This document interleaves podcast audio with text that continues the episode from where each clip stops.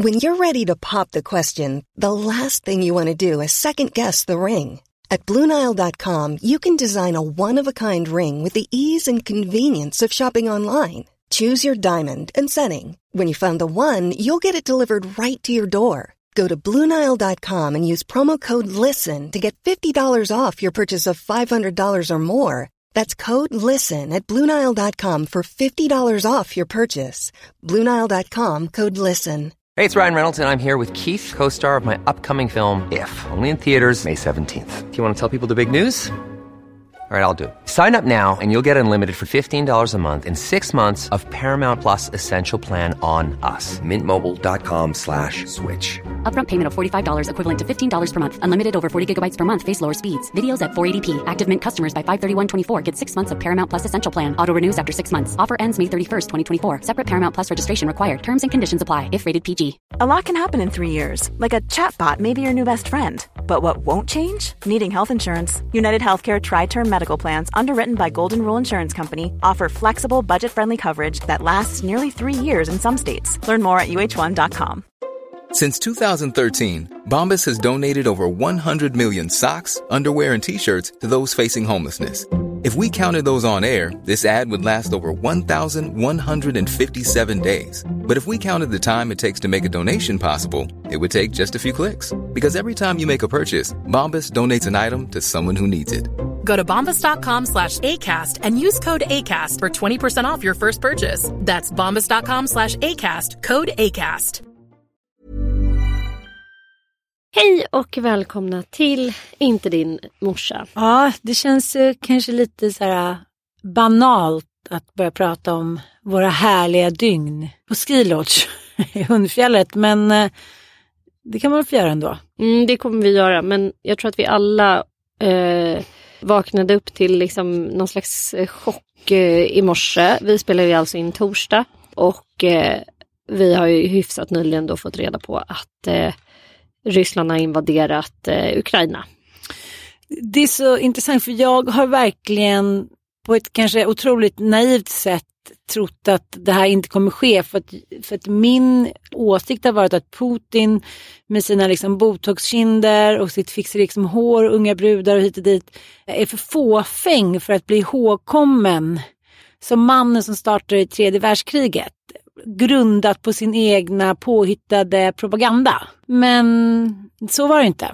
Nej, det är också helt otänkbart att så här, det är klart att det har ju pågått en rysk liksom, invasion av Ukraina. Det har ju pågått i 14 år. De Ja, har ju ja. på och tjafsat där om olika ter- territorium som de tycker sig ha då rätt till ryssarna. Så det är ju inte så här helt taken out of the blue liksom att de eh, att de gör så här. Men samtidigt så är det ju också helt bisarrt. Jag såg den här otroligt obehagliga filmen på Putin. Eh, Elaine Eksvärd delade den. Och den när han liksom bara tittar in i kameran och så här, talar till världens eh, samlade maktelit. Att så här, den som vågar sig på att sätta sig emot det här kommer bli svarad med, på ett sätt som gör att ni kommer ångra er. Alltså han, han är helt despotisk och vild och galen och bara tittar rätt in i kameran. Och det påminner ju igen så otroligt mycket om det som vi själva upplevde väldigt mycket som barn. Och det här är någonting som jag har funderat mycket över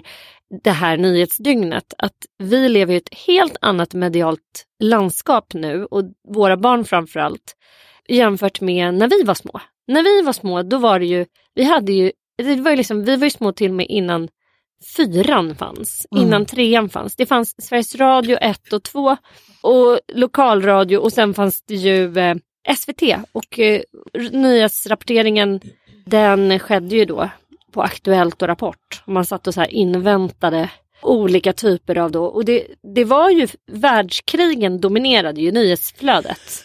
Kuwaitkriget och sen stora Falklandskriget. svält. Falklandskriget. Det var också extremt många sådana stora svältkatastrofer. Ja, Biafra-barn med flugor Mm. runt ögonen. Mm. Och det här var också i, när man levde i en värld där vi ändå på ganska mångt och mycket höll oss eh, där vi bodde, alltså rent nationellt. Kanske Mm. var någon liten charterresa som, som, som smög in sig. Men det var ju väldigt få av oss som till exempel hade varit i Afrika eller i Asien. Mm. Och, så det, vår föreställningsvärld var ju väldigt liten om man jämför med barns liksom, öppna värld idag på Mm. liksom, internet och media. Eh, men det här var en av mina största kriser, den här ubåtskrisen. Det var ju eh, kväll, det var 27 oktober på kvällen 1981. Och då gick den här sovjetiska ubåten U137 på grund i Karlskrona skärgård. Mm.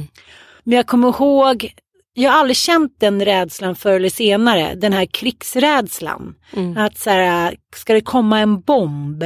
Ska vi nu dö? Ska vi så här, krypa ner i källaren? Kommer vi att svälta och leva på kupong? Mm. Alltså, den var liksom gastkramande, kan man säga så?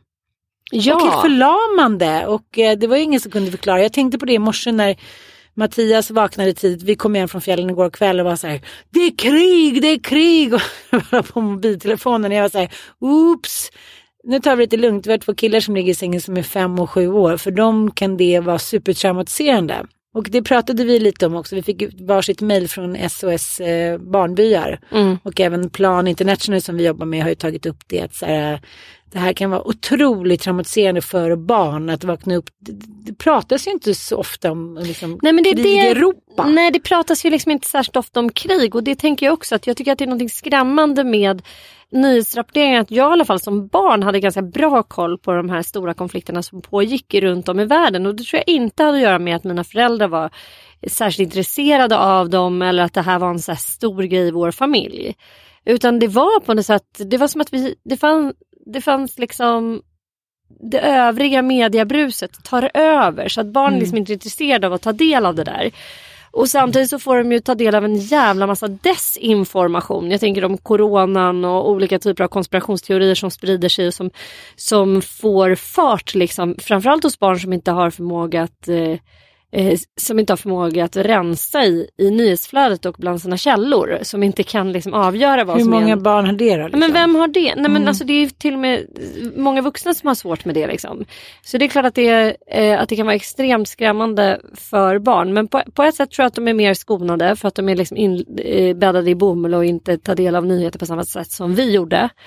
Eh, men på ett annat sätt så tror jag att det här kan vara mer skrämmande för dem för att de inte får heller en begreppsapparat. Alltså, det, det, det finns liksom inget samhälleligt filter som gör, att, gör det här begripligt för dem.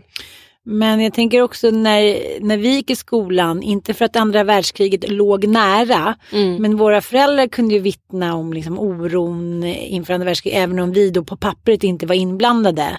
Jag pratade med min, med min moster och mamma föddes ju 1950 och det, är- det är liksom efterkrigstidens barn som blev väldigt välvaggade liksom. Men min mammas alla syskon var ju födda före och var ju liksom barn under andra världskriget. Och Deras så här, berättelser om barndomen är extremt präglade av olika så här, trupper som kom och tyskarna som åkte tåg in, på inlandsbanan och så där för att färdas till Norge. Liksom. Att vi i Sverige tillät det. Att de kastade choklad till barnen och att man var liksom svinrädd för dem fast ändå tyckte man att det var liksom så Och fascinerande. barn från Norge kom eh, på sommarkoll och stannade här. Och, och, Krig- finska krigsbarn. finska. Ja. Och även så här, efter kriget, vita båtarna med efterlevande från Auschwitz och andra koncentrationsläger. Så det, det var ju mer närvarande. Nu, jag hör mig själv säga till Bobo och Frans här, men krig, vi har inte haft krig på, på liksom flera hundra år. Och så det, det, det är inte så i Europa längre. Vi är kompisar typ. Så, här, så ihåligt låter det här nu.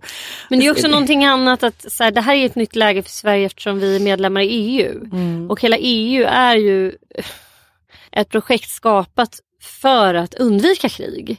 Och nu står vi ju då helt plötsligt eh, inför en situation där hela EU förväntas ta ställning mot Ryssland. Och Inte det- Boris, inte Boris. N- Nej men det gör ju att vi eh, kommer att bli liksom ett krigsförande land eller vad man ska säga. Oavsett vad. Men alla vi har ju verkligen att- satt ner foten, föredömligt tycker jag. Ja verkligen. Stoltenberg sa ju på NATO-mötet så att det här är liksom, ja men det här är det mest utsatta vi varit med om sedan andra världskriget. Så att det är inte så här att det liksom, vad ska man säga, europeiska stormakterna har suttit tysta och inte fördömt. Nej, men Nej. det jag menar är att Mm. vi kan inte gömma oss bakom Nej. neutralitet längre. Nej. Vi kan inte som ett litet land i norr eh, vara så här, eh, vi sitter här och bidar tiden. Utan vi tvingas genom vårt EU-medlemskap att ta ställning på ett helt nytt sätt. Ja. Kan man säga. Men eh, jag, jag tycker att det är så intressant det då. Jag har läst lite om den här propagandan som då visas upp i rysk tv. Mm. Och eh, det är torsdag nu och det var i morse som den här invasionen av, eh, den ryska invasionen av Ukraina inleddes. Och eh, det var intressant, alltså, i ryska statsmedier då så är det helt andra beskrivningar av vad som har hänt. Om man tänker som Vita huset då kallar ju liksom Kremls invaderande för en invasion och det har ju varit liksom, ja men som Jens Stoltenberg säger, det farligaste läget på generation, den här generationen och bla bla bla. Men i Ryssland så är det liksom eh, ställs det, framställs det som att det är så här, ett litet vänskapsbevis brödrafolk emellan typ. eh, att lite så här att det här är en humanitär insats då som ska rädda livet på ryssar. Mm.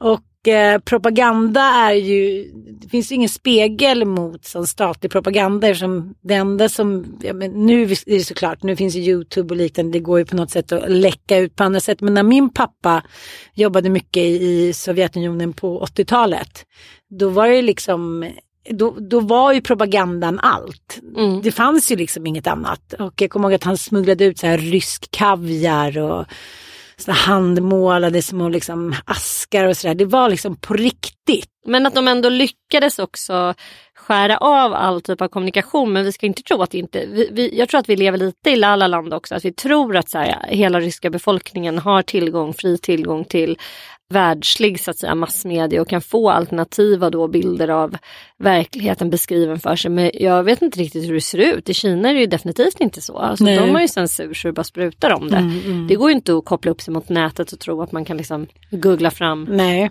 lite, alltså den mediakanal man själv är sugen på. Nej. Eh, Och jag vet inte riktigt hur det ser ut i Ryssland. Eh, och jag vet inte, men, men, men de, de har väl ett eh, läge massmedialt där eh, Putin och Putin-tillvända personer har köpt upp stora delar av, Ja, men media. Men de, deras SVT man ska säga så eh, det är den senatens talman då. Valentina Matvienko. Hon är liksom, pratade då i morse i den statliga tv-kanalen. Och det, man kan säga att det är som kanal 1. Och hon sa då att Ryssland kommer såklart göra allt för att hjälpa befolkningen i Donetsk och Luhansk att återställa ekonomin och lösa sociala problem och skydda människor, därmed också fred och stabilitet i religionen. Och vår president har stoppat krig och en humanitär katastrof, säger då den här talesmannen Vladislav, Vladislav Volodin i samma sändning. Liksom. Och så ackompanjeras det här då av bilder på parlamentsledamöter och du vet, den här klassiska som man även såg på 80-talet. Ja men du vet, människor som viftar med ryska flaggor och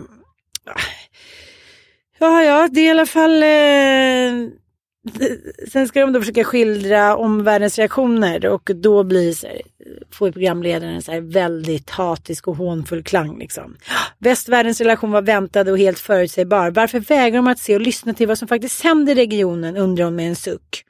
Sanktioner hade kommit i vilket fall och västvärlden hade ändå hittat något skäl att straffa oss, försäkrar en politiker då där i rutan. Och eh, så är det så ukrainarna som framställs som i allra sämsta dagar då.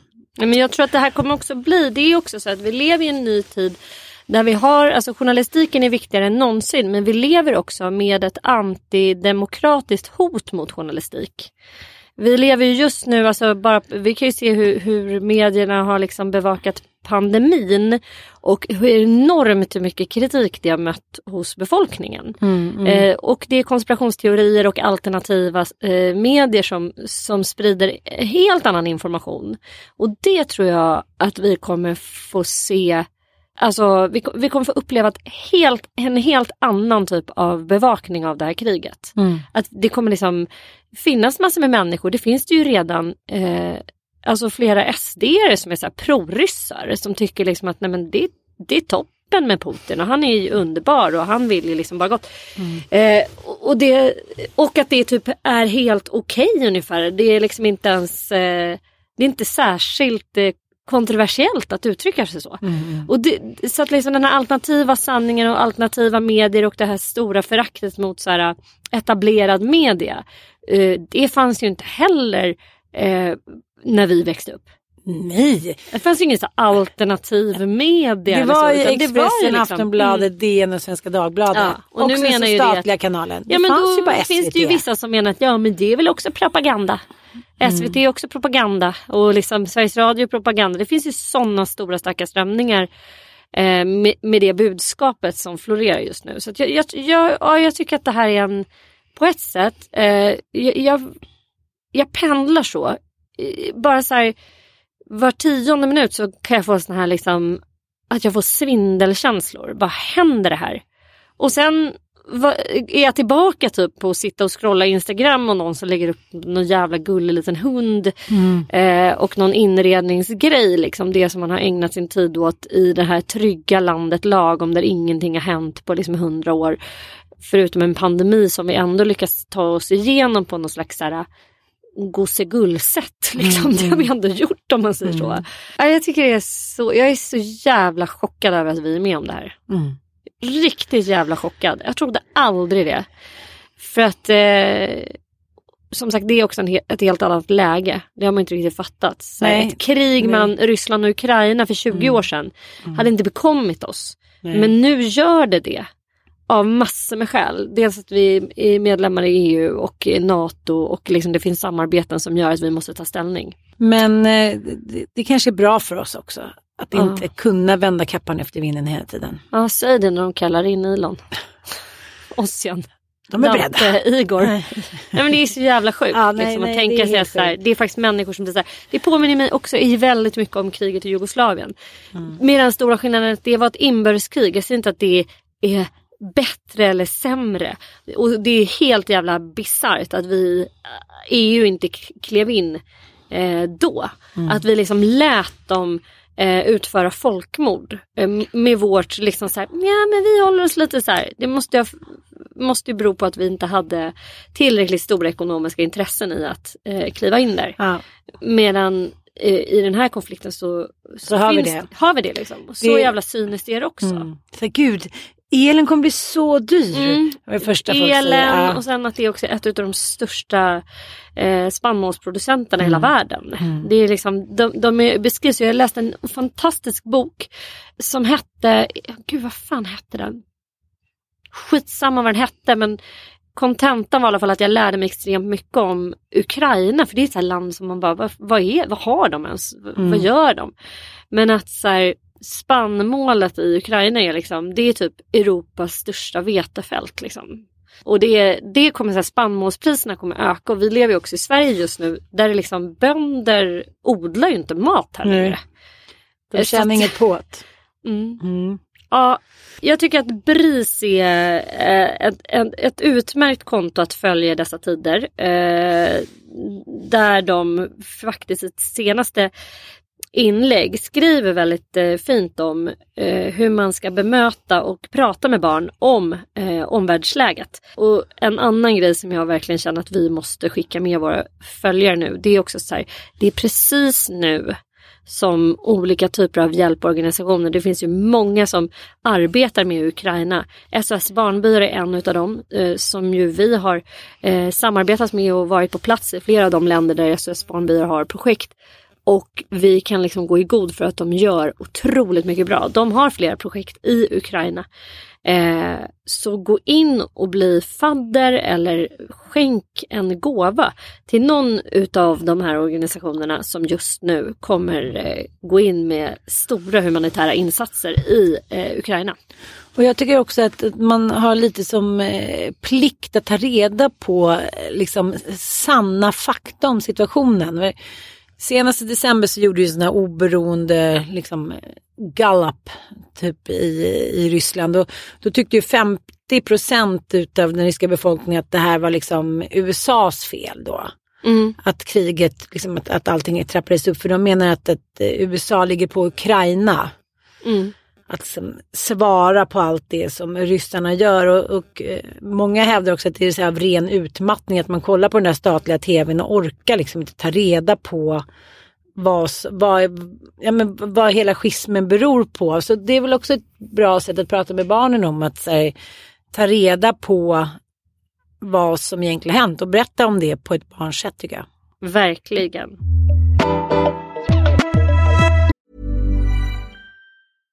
Hey, I'm Ryan Reynolds. At Mint Mobile, we like to do the opposite of what Big Wireless does. They charge you a lot, we charge you a little. So naturally, when they announced they'd be raising their prices due to inflation, we decided to deflate our prices due to not hating you. That's right. We're cutting the price of Mint Unlimited from $30 a month to just $15 a month. Give it a try at mintmobile.com slash switch. $45 upfront for three months plus taxes and fees. Promo rate for new customers for limited time. Unlimited more than 40 gigabytes per month. Slows. Full terms at mintmobile.com. Wow. Nice. Yeah. What you're hearing are the sounds of people everywhere putting on Bombas socks, underwear, and t-shirts made from absurdly soft materials that feel like plush clouds. Yeah, that plush. And the best part? For every item you purchase, Bombas donates another to someone facing homelessness. Bombas. Big comfort for everyone. Go to bombas.com slash ACAST and use code ACAST for 20% off your first purchase. That's bombas.com slash ACAST. Code ACAST. Hey, it's Ryan Reynolds, and I'm here with Keith, co star of my upcoming film, If, only in theaters, May 17th. Do you want to tell people the big news? All right, I'll do it. Sign up now and you'll get unlimited for $15 a month in six months of Paramount Plus Essential Plan on us. Mintmobile.com slash switch. Upfront payment of $45 equivalent to $15 per month. Unlimited over 40 gigabytes per month. Face lower speeds. Videos at 480p. Active Mint customers by 531.24 get six months of Paramount Plus Essential Plan. Auto renews after six months. Offer ends May 31st, 2024. Separate Paramount Plus registration required. Terms and conditions apply if rated PG. Mom deserves the best, and there's no better place to shop for Mother's Day than Whole Foods Market. They're your destination for unbeatable savings, from premium gifts to show-stopping flowers and irresistible desserts. Start by saving 33% with Prime on all body care and candles. Then get a 15-stem bunch of tulips for just $9.99 each with Prime. Round out Mom's menu with festive rosé, irresistible berry chantilly cake, and more special treats. Come celebrate Mother's Day at Whole Foods Market. Eh, en annan alternativ sanning som har eh, florerat de senaste veckorna det är ju eh, Youtube-samtalet. Mm. Mellan eh, komikern och debattören kan man väl säga Aron Flam Mm. och eh, ja, Psykiatriker. psykiatrikern och eh, är han professor? Nej men han är samhällsdebattör. Alltså Mm. han har ju kastat sig in i olika typer av samhällsdebatter under eh, senaste liksom 15 åren med start eh, när han själv då var chef eller överläkare på Sankt Görans sjukhus och Anna Odell, eh, konstnären Anna Odell, eh, fejkade en psykos och därför blev inlagd för att då skapa sitt projekt och visa hur det är att bli tvångs omhändertagen med tvångströjor och det, den typen av då rätt, alltså så här, maktövergrepp som sker i psykiatrin. Det var ju det hon ville synliggöra med sitt konstverk. Och David Eberhardt eh, hjälpte henne ganska mycket på vägen kan man säga. För det blev ju tvångströja och hela skiten. Liksom. Precis. Han anmälde ju henne eh, och, och liksom, det här var ju en stor, Så stor ja, sårad. Han tyckte det här var så jävla sjukt. Att han hade blivit så förnedrad av Mm. denna kvinna som hade lurat honom. Ja, men då fick väl han också smaka på strålkastarljus Ja. för första gången. Vilket har gjort att han då har kastats in i olika samhälleliga debatter då. Med en, skulle jag vilja säga, väldigt så här, biologisk syn på människan. Och en tanke hela tiden om att det absolut måste finnas en objektiv sanning. Mm. Och den här... Eh, Också att mannen är då lämpad att vara eh, liksom överste i familjen. Han, Ja, men han menar ju att det finns biologiska skillnader i mäns och kvinnors hjärnor som gör att eh, som, gör, som gör att kvinnor och män lämpar sig att eh, ha olika uppgifter både i arbetslivet och i, eh, i familjen. Liksom. Och det här, det här kanske inte är så jävla konser- eller kontroversiellt att tycka. Liksom. Det är många som håller med honom som tycker att han är underbar. Han är frisk fläkt i det här jävla PK-samhället och han säger ju det egentligen alla tycker. och så här. Att barnen har tagit över den Mm, skrivböcker och han, han har också så kritiserat de ökande siffrorna eh, med sjukskrivna för psykisk ohälsa. Han är ju de, en av dem som verkligen tycker att vi lever i ett så här curlingsamhälle. Som Mm. Att folk som har liksom lite lättare typ av psykisk ohälsa ska fan inte uppta plats på psykakuten utan spring några varv runt huset och skärp dig för fan. Liksom, han har, jag kommer inte ihåg vad, vad den boken hette men liksom, den tycker jag faktiskt var ganska intressant. Eh, apropå det vi har varit inne mycket på här, det, i diagnosens makt. Liksom. Vad är det som händer när man diagnostiserar allt fler? dels att man kan ha stora sjukdomsvinster av det. Att man på något sätt tycker att så här, ja men det är synd om mig, jag behöver inte jobba eller jag behöver inte hugga i eller jag, jag har rätt att ha olika typer av karaktärsdefekter eh, på grund av min diagnos. Liksom jag kan bete mig som en douchebag eller vad det nu än är liksom. Jag fattar. Mm. Initialt så kanske det är skönt att luta sig mot det när man fått en diagnos. Mm. Men jag tänker att de flesta människor som har levt eh, några år eh, i ett liv har ju också gjort misstag och gjort sånt som, som man skäms för och eh, skulle också kunna ursäkta. Men min erfarenhet av människor som, som då har fått sin diagnos kanske när har varit lite äldre är att det är en befrielse att kunna identifiera sig med och kunna få hjälp i arbetet med att inte kanske hamna eh, på ut, i utsatta situationer. Liksom. Mm. Men det som hände, den här komikern är ju Aron Flam och då har ju de en YouTube... Ja, men Aron Flam har en, ja. en Youtube-kanal som heter Dekonstruktiv kritik. Ja, Eh, och då har de liksom ett inslag där han bjuder in då, Eberhard har, har gästat det här några gånger. Och det är liksom att de reagerar då på olika typer av samhälleliga, eh, ja vad ska man säga, ja men inslag. Bassar, inslag i debatten. här. ja. Och nu tittade de då senast på Min sanning, SVTs eh, eh, grepp där, de inte, där eh, Bianca Kronlöf då får sitta i och, och bli grillad kan man säga. Mm. Och eh, så reagerar de på det. ja. Mm.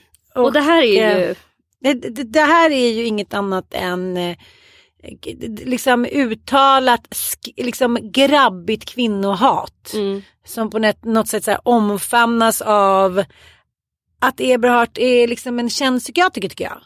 Han Mm. är lite så här, eh, det sättet som, eh, som Aron Flam tittar på Eberhard då varje gång han har sagt någonting då som skulle kunna uppfattas som sexistiskt eller kvinnohatande. Mm. Öh. Ja men typ Beavis and Butthead, ni kan googla det ni som inte känner till det. Alltså flåsande, skrattande och eh, det, det, allt Hetsande. hetsande. Och det måste, måste ju fan handla om att de här männen har mindervärdeskomplex. Varför vill man annars sitta och bete sig på det sättet? Vi kan väl lyssna lite.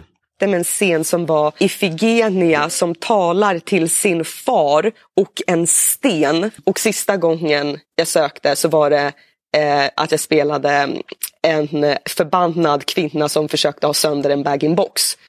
Så problemet är ju att första gången så var hon inte sig själv.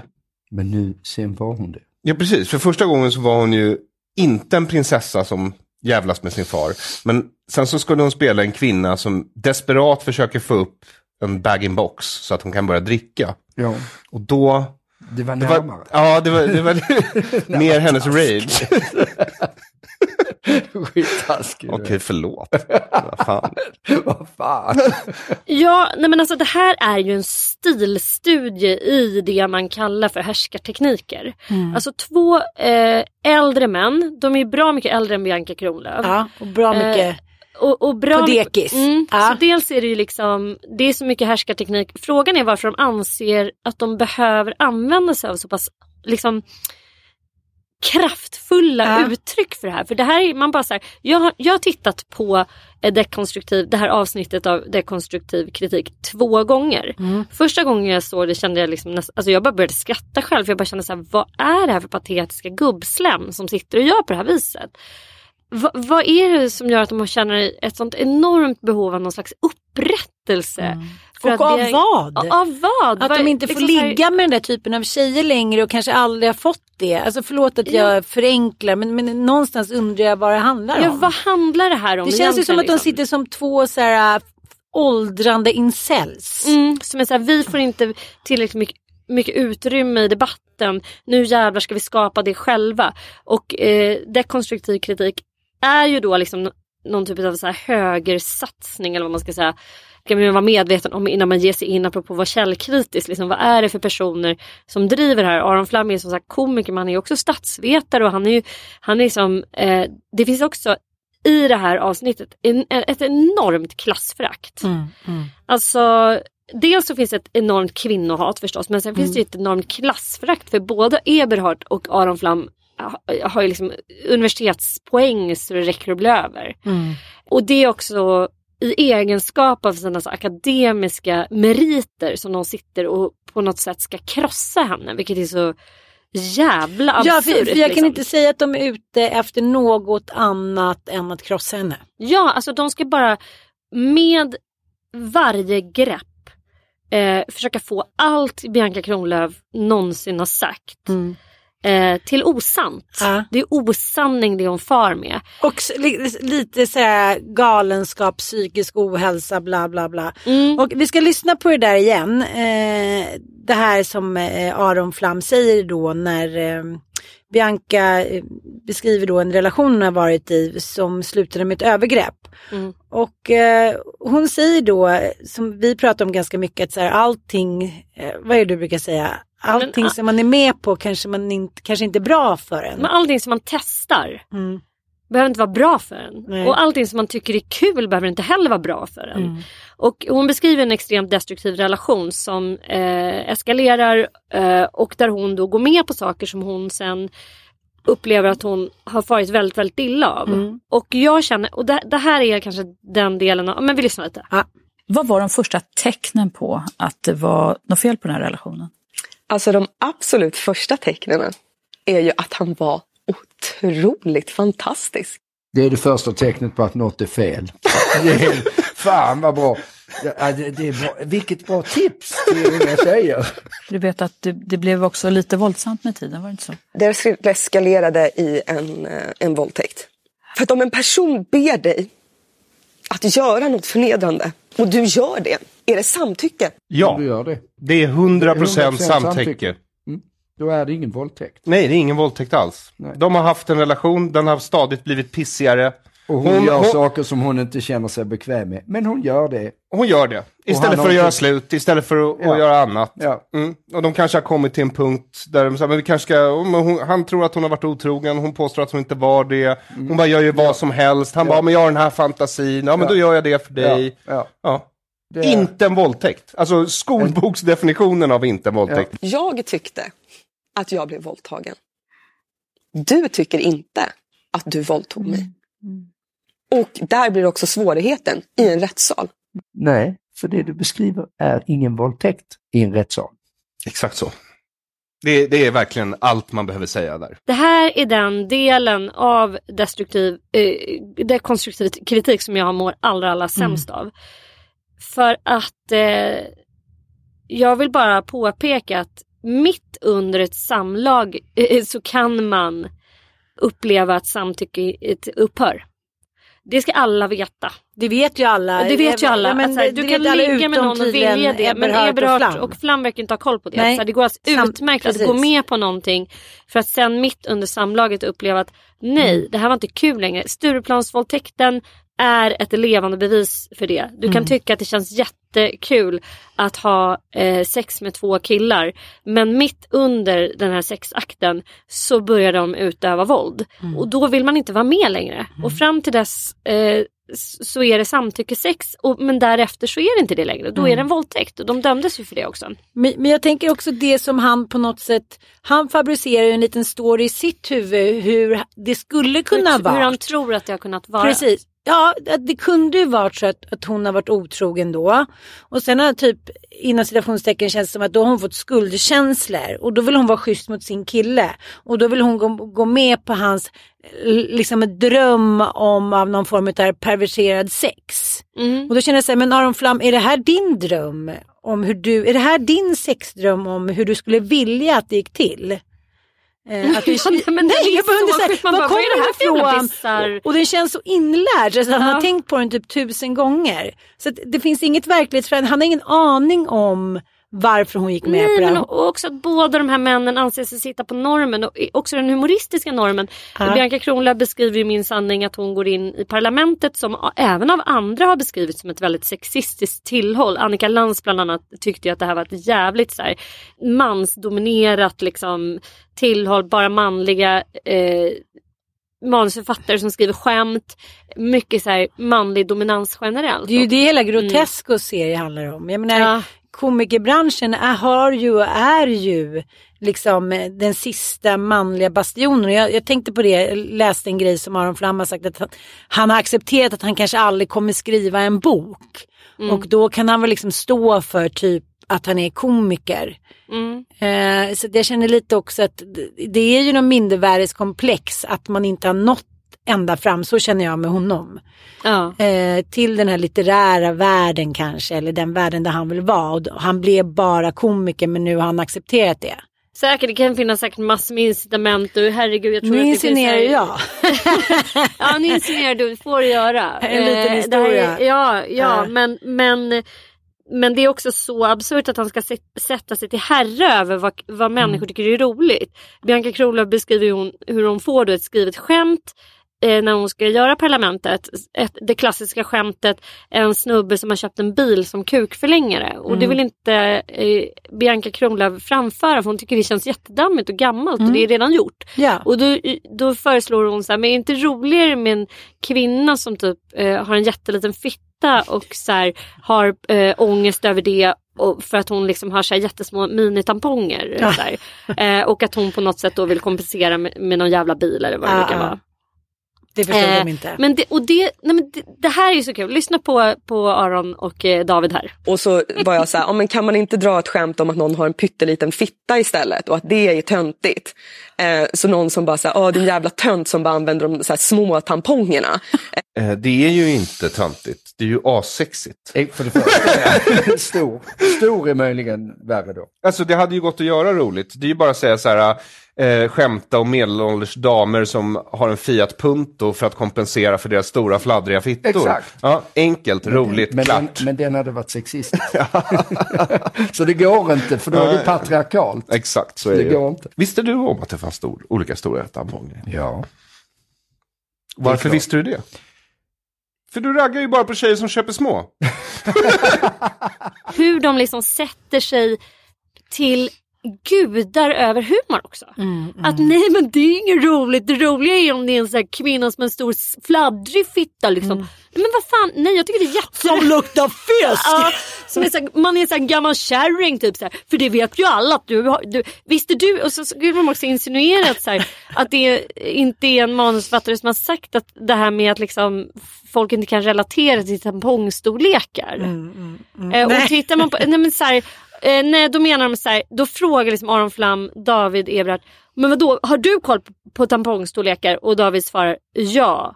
Eh, och då ska det liksom, då ska det vara ett bevis för att män visst har koll på, nej men de, de är så patetiska de här männen. Vad Men är det jag för fel på dem? där, eh, kommer du ihåg eh, när det är 100 tampons? Som blev lite, eh, eh, men som blev väldigt viral för något år sedan. Vi ska lyssna på den. Remember when NASA sent a woman to space for only six days and they gave her 100 tampons. 100 tampons. And they asked, will that be enough? Cause they didn't know if that was enough. These are our nation's greatest minds. They are literally rocket scientists.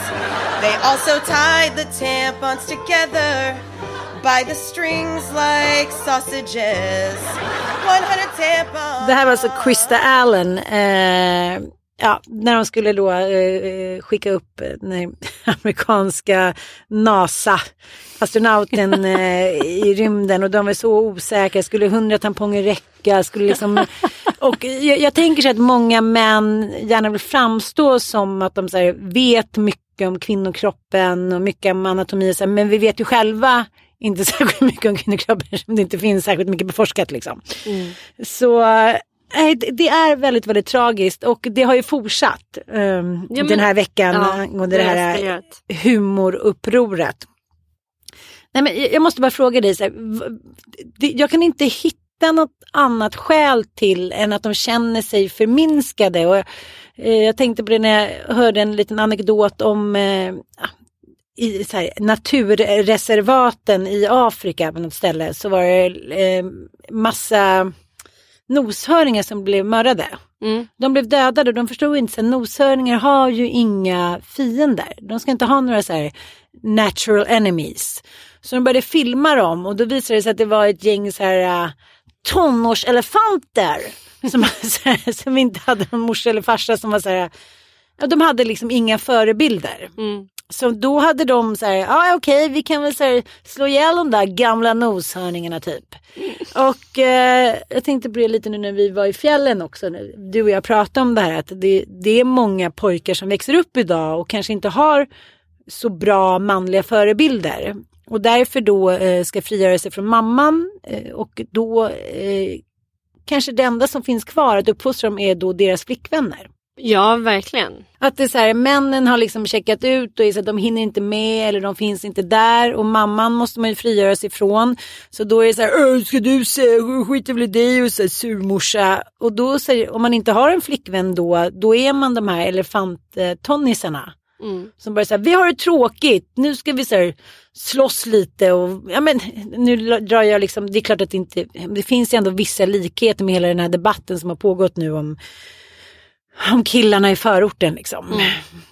Att det, det är svårt med för, förebilder och det känner jag lite så här, de här männen som ändå är här, komiker och syns i tv och överallt, att de inte ens tycker att det liksom är värt att visa lite kvinnorespekt. Ja, men det gör mig livrädd. så otroligt mycket också. Det är att män som Aron Flam och David Eberhardt när det gäller sexualbrott då är de så otroligt, eh, då tycker de att svensk lagstiftning ska följas till punkt och pricka.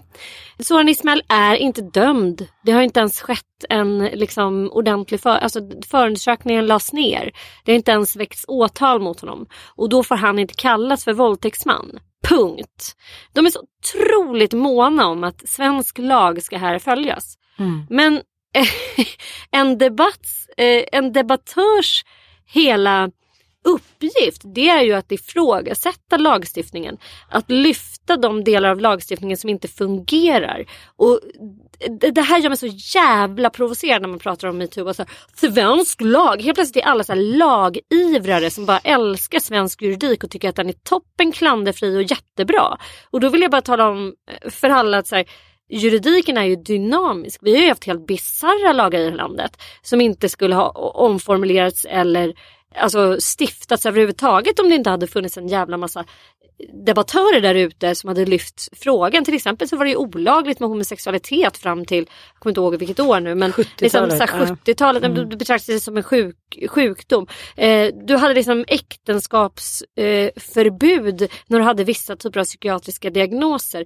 Alltså vi har haft så sjuka lagar i det här landet Mm. som gudskelov har eh, ändrats. Så att liksom, la, lagen är ju inte ett konstantum, det är ingen absolut sanning utan det är någonting som hela tiden eh, dynamiskt förändras beroende på vilken kultur, vilket samhälle och vilken tid vi lever i.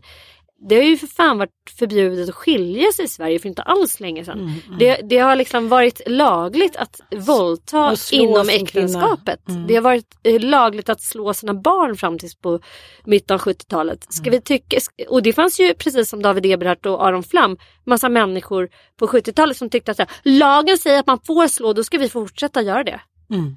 Alltså vem fan vill man vara? Vill man vara liksom pionjären som ser att någonting i samhället brister? Just nu är det en jävla massa kvinnor där ute som erfar eh, psykiskt och fysiskt våld och sexuellt våld som lagen inte kommer åt. Mm. Vill man vara liksom pionjären som går i bräschen för att förändra lagstiftningen Mm. så att den når de här brotten? Eller ska man vara någon jävla gammal gubbe som sitter och bara Åh, tycker svensk lag är jättebra. Frida så, alltså vem, vem vill de vara? Jag tycker det är så patetiskt så jag vet inte vad jag ska ta vägen. Nej, jag bara, jag bara, det är den här liksom sandlådementaliteten. Så att du kastade sand på mig, så kastade jag sand på dig och sen så blev jag kär i dig du blev inte kär i mig och nu ska du straffas. Ja, får och så här, nej. Eberhard och Aron Flam, det finns ingen objektiv sanning. Jag vet inte vad ni tror. Om ni säger, inte ens inom biologin finns det objektiv sanning. Inte ens inom naturvetenskapen finns det objektiv sanning. Ha, alltså, jag, tycker att det är märkligt med, med de här två karlarna som har läst så pass många akademiska Mm. poäng som de har gjort. Att de liksom hävdar med bestämdhet att, att det finns visst objektiv sanning. Och det är Mm. de två just som ska sitta och, ge oss liksom, De tolkningar. av är det. riddarna av den, Ja, Ja, av sanningen. Rikten, sanningens Ja, sanningar. Som också så här, går in med den här häxan till kvinna va, Ja. som sitter och far med osanning. Mm. Usch, nej men gå in och titta på det här. För ni, ni kommer i alla fall få ett gott skratt. För det är liksom, det är härskartekniker, det är två unkna män som sitter och sprider liksom absurt kvinnohat på en sån nivå som man bara, nej men oj. Men, men det är så svårt tycker jag att komma åt härskartekniker ibland för de, de, de är så knappt skönjbara men när man börjar göra en liten analys så syns det ju hela tiden även i vardagen. Om du bara sätter en dag och kollar lite på så här manliga härskartekniker så kommer du se en liksom hos busschauffören, eh, hos tampongförsäljaren typ. Och det var just det här som eh, fyra kvinnliga komiker ville främja. Ett, eh, vad ska man säga, en, en schysstare stämning i, i det här fallet i standup-branschen. Och det var ju Karin Adelsköld. Sara Andersson, Tess Komedian. Precis. Och Malin Appeltoft. Ja, de har ju då eh, tillsammans med eh, hela, liksom många av Sveriges komiker och klubbarna och experter och eh, liksom, väldigt många människor tagit fram då den här Code of Conduct för att det ska finnas någon form av förhållningsregel för de som driver och enga- engagerar shower och även för ståuppkomikerna. Och de skickade ut till liksom alla komiker en förfrågan om att vara med på det här då. Mm. Och eh, det slutade med att de blev fyra tjejer och ingen, ingen man ville vara med då. Mm. Och det är helt enkelt liksom estetiska riktlinjer om eh, hur man ska säga ja för, för komiker och klubbar och annan personal som jobbar med ståupp. Hur de ska säga, hur utövandet av stand-up och vad ska man säga, regler för en bättre arbetsmiljö. Det har Mm. väl de flesta arbetsplatser. Branscher. Ja, Mm. det blir inte så här, oops.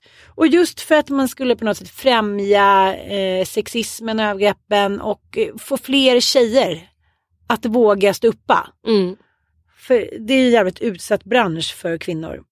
Hur som helst så eh, emottogs det här liksom de har hållit på ett år och skrivit på det här. Mm. Och det har skickats fram och tillbaka och alla har godkänt och tyckt till hit och dit. Och eh, först var det liksom glass och ballonger och sen så gick det några veckor och så eh, skrev eh, Bettner Mm. på sin Facebook-sida att eh, nej han, han tyckte inte alls att det här var bra. Mm. Bland Det- annat till att de ska hälsa på varandra. Ja, men alltså, det här är- det är fortfarande bara här, Mm. det är fortfarande bara riktlinjer. Typ, så här, det är trevligt att hälsa på varandra eftersom många hälsar inte på sina Mm. kollegor. Det är Den här säger ju utfrysnings- väldigt mycket om vilka jävla Det är arbetsplatsproblem det de jag har. Man menar. bara, det är bara eh, det som har måste blivit så ni jävla skriva in tydligt i så här bevis. Code Ah, of conduct att man ska hälsa Ja. på varandra. Ja. Alltså vad är det för jävla idioter undrar man ju. Liksom.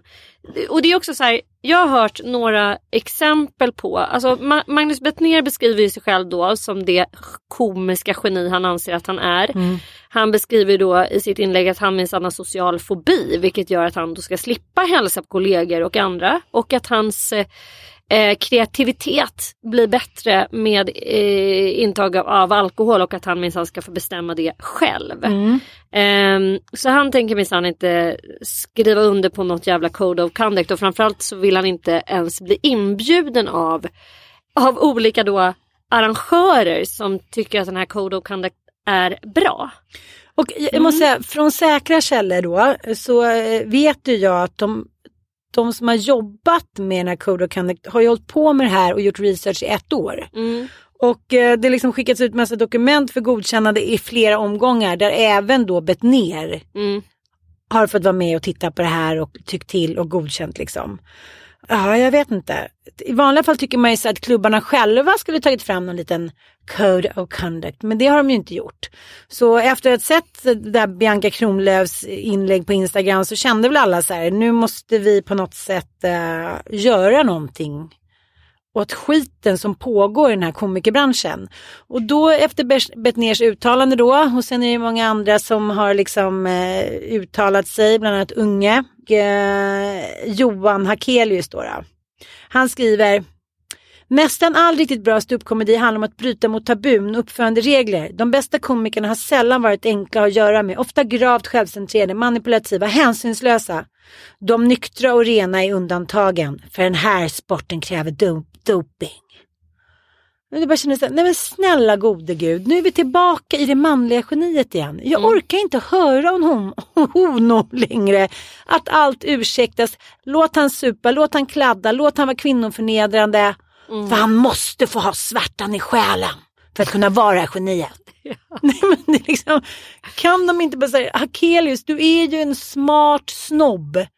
Snälla, så, du kan ju din historia. Mm. Nej, det kanske, vi kanske ska döda det manliga geniet nu. Vi kanske Ja, bara ska säga, Eller så får vi liksom slå här- hål på ja, hans jävla... Samtidigt så, så hade Daniel Sjölin, Babel, det gamla Babel-Daniel, författar-Daniel. Eh, jag såg Cyklopernas land, det är ju SVTs då eh, så yngre kultursatsning. Eh, Kristoffer Garplind leder då en panel där bland annat då Daniel Sjölin, gamla Babel-Daniel, författar-Daniel som Mm. jag tycker är en väldigt härlig och så här udda figur på något sätt. Eh, eftersom han är ganska lä- lågmäld och så här blyg och inte så här gapig. Eh, hur som helst, i det senaste Cyklopernas land så pratar man ju en hel del om den här komiker ko- komiker Bianca Kronlöf och Mm. ja, så. Ja, men Daniel Sjölin har ju läst en bok och, och hans Mm. spaning är liksom att så här, han tror att väldigt många författare, eh, framförallt, för just den här boken är ju då en, en, em, en, dagbok, en dagbok som handlar om en, en kulturarbetares väldigt så här, utsatt ekonomiska läge. Han är på ruinens brant ekonomiskt hela tiden, han lever på existensminimum, han bråkar med Försäkringskassan och han har då två diagnoser, ADD och autism. Eh, och eh, han hamnar liksom mellan emellan samhällets stolar hela tiden. Liksom. Han, har en, han har ju haft då mer eller mindre då framgång som journalist och eh, kulturskribent men eh, har inte tillräckligt med jobb för att kunna försörja sig och hans då två eh, diagnoser gör det svårt för honom att slå sig fram, att pitcha sina idéer, att liksom eh, allt det här som det, vårt moderna samhälle liksom premierar och kräver av oss. Och då för Daniel Sjölin en, en diskussion i det här programmet om, om det här med att så här, vad fan, Sverige har blivit ett så här elitistiskt land eh, och att svensk kulturpolitik är, har också präglats väldigt mycket av att så här, kulturen ska vara nyttig. Som så här, Sverigedemokraterna som tycker liksom att man ska avskaffa kulturstöd. Och ska man hålla på med kultur så ska det bara vara så här, svensk kultur. Man ska inte få hålla på med något så här flummigt som inte har någon nytta. Kulturen ska vara nyttig på något sätt. Och då ska den också då ska den också inbegripa att man har korrekta arbetsförhållanden och att man ska kunna gå till jobbet som komiker och liksom mm, ha OB-ersättning och sånt där. Liksom. Att, så här, det ligger också bakom väldigt mycket av så här, eh, vad ska man säga, eh, de senaste åren efter metoo när man inte bara har lyft sexuella övergrepp eh, bakom scen utan också så här, hela arbetsmiljön är helt jävla uppfuckad. Eh, och många konstnärer och författare och andra eh, har ju då emotsagt sig detta. Så här, nej, det manliga eller det konstnärliga geniet, liksom alla vi som har alla de här Ska diagnoserna. inte få lördags Det som gör att jag tvekar på det här. Det är att så här, varför inga kvinnor med autismdiagnoser och andra diagnoser som värnar om att de ska få sitta och dricka bärs? Varför tycker inte de att det är viktigt att de inte ska behöva Mm. Eller hälsa skjuta på någon? Eller skjuta heroin i fittan. Ja, eller... Varför är det inga kvinnor som tycker att de ska få så här supa Mm. och knulla med så här yngre killar efter sina stå-upp-föreställningar? Mm. För att det, det finns ju lika många, vi kan ju inte vi, vi, vi kan väl ändå inte, eller det kanske Aron Flam och Adolf Eber här tycker att så här, eh, konstnärlig genialitet är mer utbrett hos män. Eller? Är det Men något de det tycker verkar då? så, skriver ju ingenting om det kvinnliga geniet. Och det, det är väl det som kanske är det stora hotet just nu att det kvinnliga geniet håller på att ta över även i komikerbranschen. Hade det inte varit så jävla underbart om så här, Mia Skäringer hade skrivit så här, nej jag tänker skri- inte skriva på något jävla code of conduct Mm, för jag är bipolär och jag vill liksom kunna kliva in Mm. där, ta en bärs innan jag går upp på scen. Eh, jag vill kunna sitta efter min föreställning jag vill inte hälsa på vissa kollegor som Nej, jag hatar. Som jag hatar. Det finns tre personer i den här branschen Mm. som jag aldrig vill liksom hälsa på. Som Tänk om hon hade skrivit så. ja. Men Alltså, menar ju så här- också diagnos. Eller tänk, tänk dig om Babben hade skrivit. Mm. Hade det inte varit så underbart? Eller så här, nej, men någon, någon gam eh, liksom, humorista. Ja. Ann Westin som jag älskar. Westin, Men jag menar så här, om man ska säga i korthet vad som föranledde det här var ju att det kom fram en massa historier, helt horribla historier om just sexism och övergrepp under metoo. Mm. Och att man då kände så här, okej det, det är ett perfekt ställe för liksom, förlåt, men att det här ska gro. Det är så här, folk är skitnervösa, folk är liksom, har druckit, eh, det är så här mansdominerat har varit från början. Folk liksom, det är jävligt stark konkurrens. Så Det, det- jag De är kan- extremt otrygga anställda. Alltså de är ingen, har, ingen är anställd, Ja. alla är egenföretagare. Allting bygger på att du ska hålla dig väl med människor för att få mer jobb.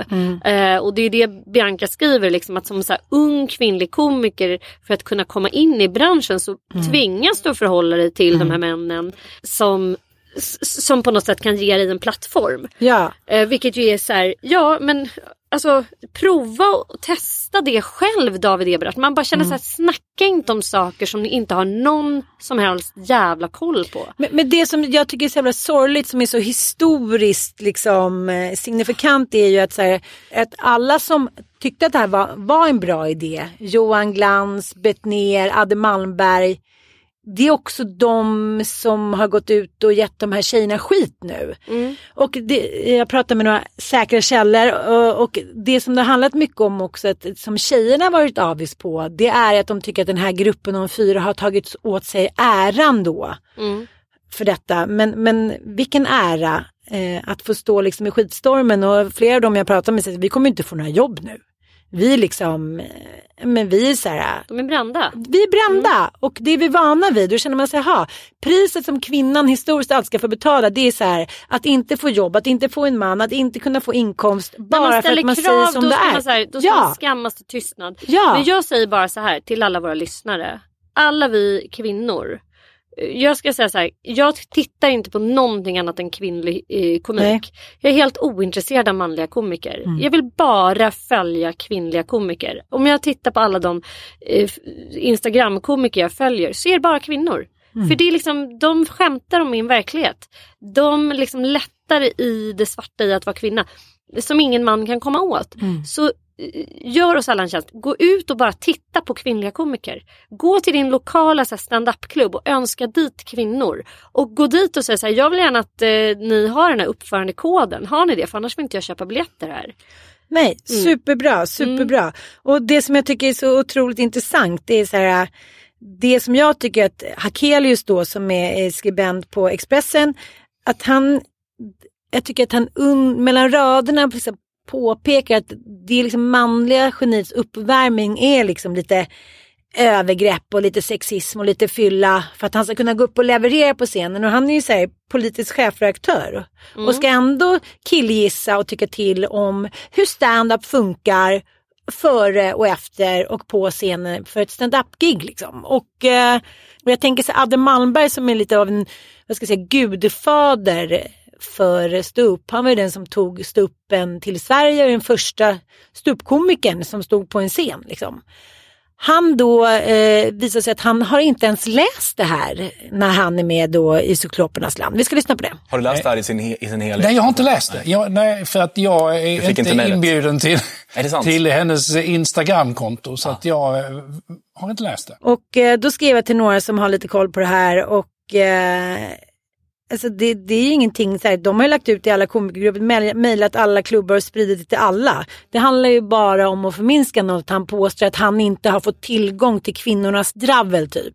Och det är väl det som många av de här kvinnorna återkommer till att de blir så jävla ledsna att de har blivit så förminskade. Liksom. Att så här, först var det så här, applåder och hurrarop och nu ska vi alla städa upp lite och bara så det här ska bli en schysstare bransch för allas skull. För alla vill väl ha kvinnliga komiker som inte behöver spela med på det manliga geniets liksom, paradrolls... Ja, jag vet inte. Och nu när det sker så säger han så här, dels så ska han uttala sig och då säger då SVTs programledare så här, nej det är därför det här programmet finns. Det, är så här, det bara fortsätter och fortsätter och fortsätter med det här jävla men det- det brödraskapet. att man trodde att så här, komiker det är den sista bastiljonen av så här, manschauvinistiskt svineri. Så här, Mm. här ska i alla fall inga jävla kvinnor få komma in och ställa krav. Här ska vi få dricka bärs och knulla småbrudar så mycket vi vill. Långt in fram på småtimmarna och dra ladd. Alltså vad är det? Nej men snälla vad är det för jävla patetik? Nej, och alltså då- Mm. Magnus Bettner, gå och skäms. Alltså, det är ju patetiskt. Här. Om, du, om du måste dricka några bärs för att kunna skriva dina skämt, då borde du fan söka hjälp. Eller nytt jobb. Alltså på riktigt, eller nytt jobb. Mm, För det verkar mm. inte särskilt sunt. Det verkar inte som att du mår särskilt bra. Vem mår bra av det? Undrar jag. Och sen så berättar ju Adde att han själv på 90-talet har fått en förfrågan om att göra just det som de här fyra kvinnorna har gjort. Men det blev inget av det. Och det, detta är inte första gången det händer. Alltså jag formulerade ju på 90-talet en motsvarande grej. din egen code of conduct? Eh, Det var inte min egen, utan det var mer att jag blev utsedd. Kan inte du göra ett förslag till något sånt här? Kan man få ett smakprov? Eh, nej, det kan man inte därför att det blev ingenting till slut. Okej. Därför att problemet är liksom att så fort man börjar sätta upp regler så, börjar, så blir det konstigt och till slut blev det så att de regler som vi kunde vara överens om, de var så allmänna och så ointressanta så att det liksom rasade samman. Så att jag tycker egentligen att det är diskussionen som är det viktiga. Här menar ju, det här är lite i, eh, i Aron Flam-anda tycker jag. Eh, han säger att så här, det, blev så, ja, men det blev så tydligt att så här, det här var ingenting man skulle snacka om utan det var ju så självklart hur man skulle bete sig. Och han säger också att han inte tycker att det är så viktigt att skriva ner något utan att det är själva samtalet och debatten som, eh, Dialogen som är viktig. som är viktig. Mm. Men, men eh, det ledde ju ingenting till, som samtyckeslagen då har ju verkligen lett till förändringar. Mm. Eh, och det tror jag att det här också kommer göra om någon jävla snubbe kan respektera det. Liksom. Och men jag tänk tänker alla själv- komiker som Johan Glans och liknande som har godkänt det här som nu står helt tysta. Det hatar jag också. Mm. Att män när det blir en shitstorm, ojsan, nu står vi bara helt tysta. Varför är det ingen som uttalar sig för? Mm. Jag blir tokig och lite som, eh, vi ska lyssna också på eh, vad eh, Amy Brammesey säger. Fast det som jag tycker är intressant med de här punkterna som du har läst upp här är att de ändå pekar på härskartekniker. Ja, och det är otroligt så. Ja, men. Ja. Självklart grabbigt. Men alltså, inte bara det, utan just härskartekniker. Alltså, det är väldigt svårt att peka ut härskartekniker. Och alltså, de här jättesmå nyanserna. För att ja, alla kanske säger att de skriver under på att det är fel med diskriminering och med typ sexism, whatever. Men sen när du väl är där, och det är ju klart att det här kommer från de här kvinnorna. Alltså, när du är den här som aldrig... Alltså, folk har inte ögonkontakt med dig, folk går förbi dig, hälsar inte på dig. Kör i början, du kommer på slutet. Alltså, och du är alltid kanske på slutet och bara ingen stannar och kollar. Alltså, det är liksom... Och ni vet hur osexigt det är att bara, jag känner mig mobbad. Alltså man vill inte vara den partypoopern. Och jag, och jag kan tänka mig i din bransch att det kanske är svårt med alla komiker och så, att komma och vara så här seriös. Liksom. Så att jag tror att det är därför de verkligen bara, nej vi måste ha det svart på vitt. För att just härskartekniker är så sjukt svårt att eh, pinpointa på sin arbetsplats. Precis, att, att man lär sig att, eh, att ty- bli tystad. Att när, man har, när folk kollar på en som ett ufo eller inte skrattar åt en, inte stannar kvar på en skigg eller är packade och kör sexistiska skämt eller frågar hur känns det att vara tjej, stå upp bara, bla bla bla. Så till slut går man inte upp på scenen mer. Och det är precis den härskartekniken som pågår 24-7. Och jag tycker det är sorgligt att så här, SVTs programledare gör en lista som typ så här, förminskar alla som har känt så. Ja. Ja, Ja. så vad var vår kontenta? Det här var ett jävla mörkt avsnitt tycker jag. Det är, Mm. så här, det är, det är krig på så många nivåer tycker jag. Det, det, alltså det är det ju bokstavligen. Rent nu sitter vi liksom i, i ett pågående eh, krig. Liksom så. Eh, men sen också att det här ska så här, man bara men gud kunde vi inte bara få vila lite grann. Metoo bar med sig jättemycket men nu kryper de fram de där som tyckte liksom att så här, Mm. och nu ska Nu alla, vågar de. Mm, Nu vågar de ska komma alla fram som vågade höja rösten. Bianca Kronlöf. Cissi Wallin, alla de här ska då så att säga de ska galengöras, eh, de ska svartmålas och de ska, eh, den här klassiken att kvinnor ljuger. Alltså det, Den har vi ju fått höra genom historien att kvinnor Mm. far, far med osanning. Att vi är så skvallrande kärringar som far med Mm. osanning och sprider lögner kring oss. Liksom. Mm. Medan männen de kan hålla sig till ren fakta. De går inte igång emotionellt och förvränger sanningen. Alltså det, det är en sån stereotyp bild av så här, hur patriarkatet har eh, lyckats tysta kvinnor Mm, mm. eh, under många, många, många hundra år. Att liksom, det hon säger är inte sant för hon är galen och hon hade o- någon typ av så här hämndbegär. Eller att de vill ha någonting kvinnor. Och med de här kvinnliga komikerna så handlar det väl om, om att de vill ha plats och en plattform att stå. Att de på något sätt skulle putta ner de här karlarna från Mm. deras tron. I don't know. Men det är ett jävla... de är, ja, det, är så här, det blev inget inträde i liksom eh, pojkklubben den här gången heller. Från kvinnliga komikerna. Utan de får fortsätta att liksom spela efter de här eh, pojkreglerna. Annars får man inte vara med. Och det verkar ju så väldigt märkligt att sådana omogna karaslokar ska vara de som sätter agendan även i komikerbranschen. Väldigt Skämmes! Hörni, tack för att ni lyssnar. Mom deserves the best, and there's no better place to shop for Mother's Day than Whole Foods Market. They're your destination for unbeatable savings, from premium gifts to show-stopping flowers and irresistible desserts. Start by saving 33% with Prime on all body care and candles. Then get a 15-stem bunch of tulips for just $9.99 each with Prime. Round out Mom's menu with festive rosé, irresistible berry chantilly cake, and more special treats. Come celebrate Mother's Day at Whole Foods Market. Hi, I'm Daniel, founder of Pretty Litter. Did you know cats tend to hide symptoms of sickness and pain? I learned this the hard way after losing my cat, Gingy. So I created Pretty Litter, a health monitoring litter that helps detect early signs of illness by changing colors, saving you money and potentially your cat's life. Pretty Litter is veterinarian developed, and it's the easiest way to keep tabs on your fur baby's health right at home. Go to prettylitter.com and use code ACAST for 20% off your first order and a free cat toy. Terms and conditions apply. See site for details. Hey, it's Paige DeSorbo from Giggly Squad. High quality fashion without the price tag. Say hello to Quince. I'm snagging high-end essentials like cozy cashmere sweaters, sleek leather jackets, fine jewelry, and so much more. With Quince being 50 to 80% less than similar brands.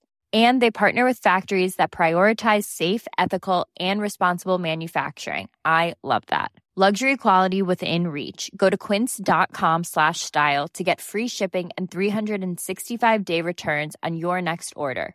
Quince.com slash style.